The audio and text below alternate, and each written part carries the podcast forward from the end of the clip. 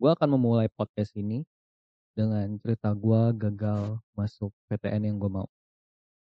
Jadi gue tuh pengen banget ya masuk PTN, mmm, nah itu Unpad, gue pengen banget ke Unpad. Gak tau kenapa gue pengen banget ke Unpad dan eee, gue coba tesnya, eee, SBMPTN ya, masuk ke Unpad.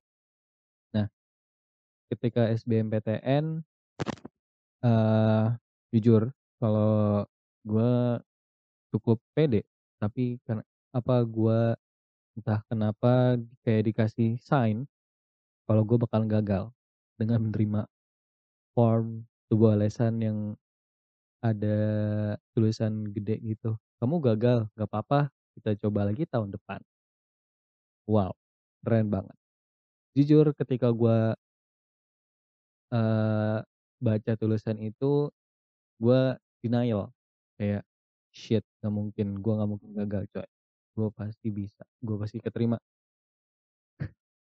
Dan lu tahu gak sih gue sepede itu, gue tuh eee apply, eee, bukan apply ya, pilih jurusannya itu psikologi Unpad. Sepede itu. Tapi beberapa lama beberapa lama pengumuman atau hari pengumuman itu datang, tiba gitu ya, hari itu. Dan gue gak keterima. Jujur gue nangis. Gue nangis, gak keterima di Unpad karena gue gak tahu kenapa gue pengen banget Unpad dan belakangan gue ketemu alasannya, gue pengen ke Unpad karena gue pengen keluar dari rumah dan coba hidup ngekos. Itu aja. Hal yang bisa gue pelajarin setelah sekarang gue kuliah itu hampir eee, ya sekarang lagi 3,5 sih, gue semester 7, sekarang lagi jalan semester 7. Gue ba banyak banget pelajarin bahwa gue tuh cukup bersyukur gak masuk Unpad. Karena kalau gue gak masuk Unpad, eh kalau gue masuk Unpad, sorry, kalau gue masuk Unpad, gue pasti gak akan ketemu orang-orang yang sekarang jadi temen gue dan sahabat-sahabat gue yang baik ini. Dan banyak banget merubah pemikiran gue sendiri. Nah gue pengen cerita itu karena jujur itu salah satu kegagalan yang paling gue inget dan siapa sih yang gak takut gagal gitu ya. Siapa coba? Semua orang tuh takut banget gagal gitu kan. Padahal kalau ditarik ulang dan coba kita pikir-pikir setelah kegagalan itu kadang-kadang kita bersyukur kita udah gagal atau kita gak berhasil masuk ke situ.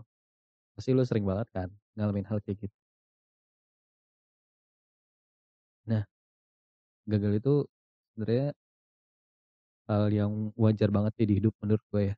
Dan gue kadang-kadang gak ngerti kenapa ada orang yang punya mindset kalau gagal itu malu.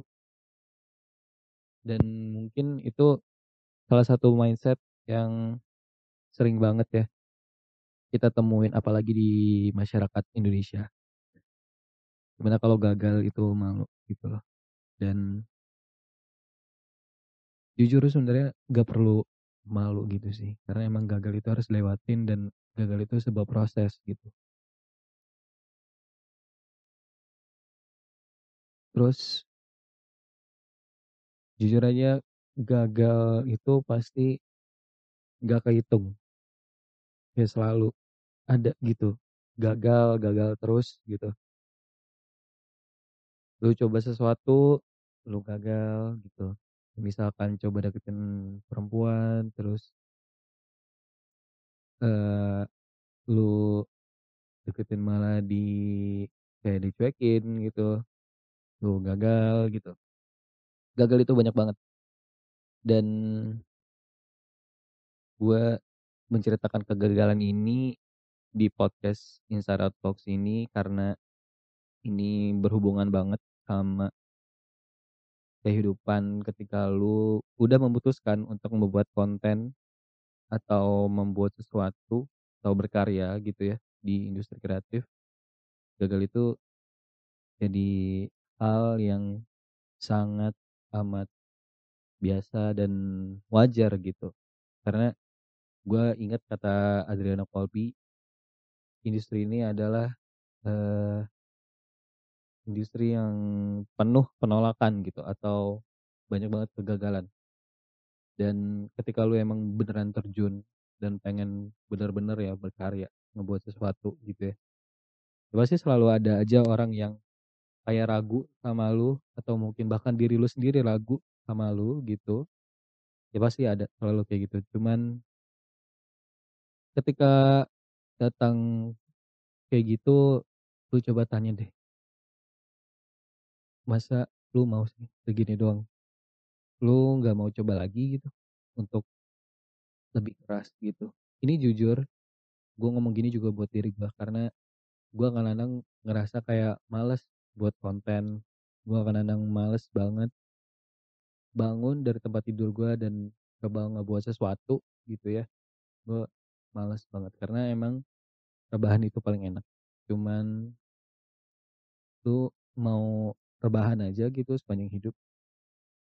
Selama lu hidup gitu mau rebahan aja gitu. Terus lu berharap bakalan ada hal yang baik datang sama lu. Gue ngomong kayak gini juga buat nampar diri gue sih.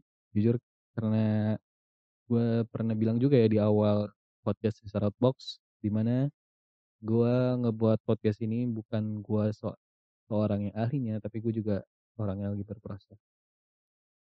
Buat yang denger ini semoga lu juga terus-terusan berproses ya.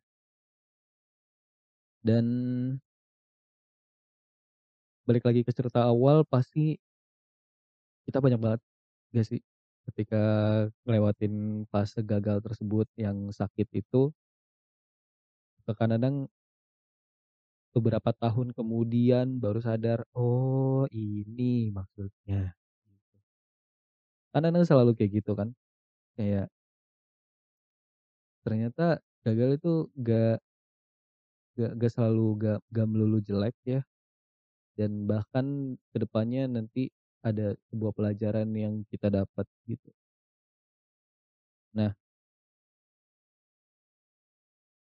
itu hal-hal yang harus harus kita ingat terus sih. Gimana ketika kita mau coba sesuatu, ya kita emang harus mau gitu ya, mau berhasil gitu ya. Siapa sih yang nggak mau berhasil? Pasti semua orang maunya berhasil gitu kalau ngebuat sesuatu, kalau ngebikin sesuatu atau melaksanakan sesuatu tuh pasti maunya berhasil. Cuman jangan kemauan lu ingin berhasil itu lu jadi takut gagal gitu dan lu lupa kalau bahkan kalau bahkan lu akan kayak gagal gitu. Sorry kata-kata gua agak gitu. Iya. Intinya ketika lu ngebuat sesuatu jangan lupa aja sama kegagalan dan jangan takut sama kegagalan. Karena hal yang menakutkan itu bukan gagal, tapi menyesal. Jujur kalau di kehidupan gue sendiri, gue banyak banget ngelewatin beberapa kesempatan-kesempatan yang datang ke gue. Dulu ketika gue mengenal atau tahu mindset ini gagal itu lebih sakit daripada eh sorry menyesal itu lebih sakit daripada gagal. Salah satunya adalah eh, apa ya? Ketika gua tahu kalau eh, orang yang gue suka itu gue suka sorry. Ketika gua tahu orang yang gua suka, jadi gue suka sama orang gitu ya. Dan dia suka balik sama gue. Tapi gua nggak nembak dia, malah gue nembak yang lain. Dan jujur gue kadang-kadang suka nyesel gitu ya kalau misalkan ngelihat story-nya dia gitu kayak, "Shit kenapa gua nggak nembak dia?" Gitu loh. Tuh kadang-kadang gua kayak, "Tolol kamu." Ya tapi itu sih yang gua pelajarin ya, dan jujur gua ngebuat podcast ini juga kayak jadi eee, ngobrol sama diri gua sendiri bahwa lu tuh jangan takut gagal, coba lagi terus. Eee, bikin podcast terus, terus juga terus, mmm, berkarya, bikin sesuatu gitu, jangan ga jangan takut gagal. Daripada lu tuh nggak ngelakuin hal yang lu mau dan pas tua lu tuh nyesel gitu kayak coba dulu kalau gua ngelakuin atau kalau gua ngebuat podcast lebih rajin pasti gua nggak bakal kayak gini. Nah gue tuh nggak mau kayak hidup di tengah penyesalan atau hidup selalu menyesal gitu ya ibaratnya. Gue nggak mau hidup itu selalu menyesal kayak gitu jadi Gua selalu mencoba semua kesempatan yang datang ke gua, semua kesempatan yang bisa gua ambil, gua selalu mencoba dan terus-terusan konsisten dalam ngebuat konten. Karena gua nggak mau nanti di ujung gua bakal nyesel gitu ya. Kadang-kadang lu ngira kalau misalkan untuk mencapai hal tersebut, lu hanya lewat jalan itu. Cuman sebenarnya ada berbagai jalan gitu ya yang bisa menuju apa yang lu pengen itu kemarin. Tapi jalannya sengaja buat kelok-kelok biar lu ada kayak inilah tantangannya gitu ya, nggak nggak langsung set dapet. Kadang-kadang ada orang yang langsung dapet apa yang dia mau setelah berusaha, tapi kadang-kadang juga setelah berusaha tapi nggak dapet. Gitu. Tapi jujur sebenarnya ketika lu berusaha tapi nggak dapet itu percaya deh sebenarnya ada ada hal yang lebih besar dari apa yang lu mau.